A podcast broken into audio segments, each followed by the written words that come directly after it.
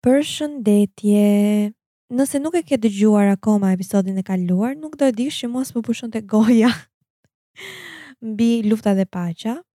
Në fakt, unë kisha shumë për të thënë dhe një pjesë e veçova për ta postuar si një episod bonus që ai episodi origjinal mos përfundonte siç e kam përsëritur shumë herë mbi 4 orë.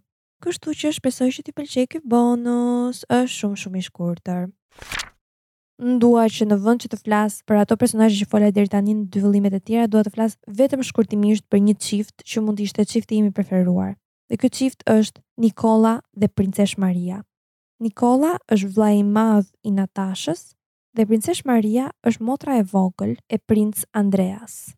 Pra kemi një situatë familjare Këta takohen krejt rastësisht gjatë luftës dhe në fillim nuk e njohin njëri-tjetrin, nuk e dinë që janë në fakt të lidhur nga një marrëdhënie familjare, por që është dashuri me shikim të parë.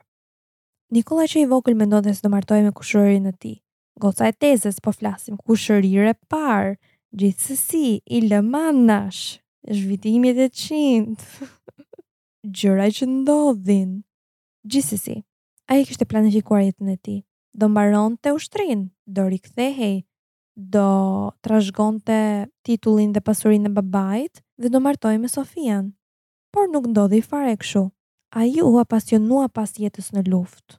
U bë një me rutinën e ushtarëve, me adrenalinën që buronte nga frika në fushëbetejë, me kumarin që luante me bashkëvuajtësit e tij, me netët e mbushura me alkool edhe gra, Dhe kur u kthye herën e parë nga lufta nuk po rrinte dot në shpi. Ishte jashtëzakonisht gjaknxehtë, i nervozuar, i inatosur, donte që të rikthehej në fushëbetejë e t'i bënte bisht detyrave të tij si pasardhës i pasurisë së Rostovit. Maria nga ana tjetër ishte një vajzë e urtë, modeste, shumë, shumë, shumë besimtare. Ajo gjithmonë gjente dashuri dhe falje për çdo kënd që i bënte mirë ose i bënte keq.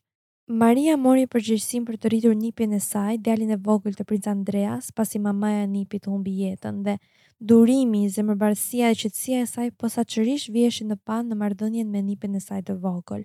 Në fillim kur Maria takoi Nikollan dhe ndjeu atë dashurinë e papritur ndaj tij, ajo filloi të kishte jashtëzakonisht shumë frikë. frikë sepse këto ndjenja që kishte filluar të ndjente për Nikollan mund të mbizotronin dashurinë që ajo kishte për Zotin dhe mendonte se në këtë mënyrë po tregonte mungesë respekti ndaj fuqisë hyjnore, por me kalimin e kohës besoi që Zoti ishte ai që ia solli Nikollan në jetën e saj dhe kështu që ia vlente që të ndjente ato ndjenja.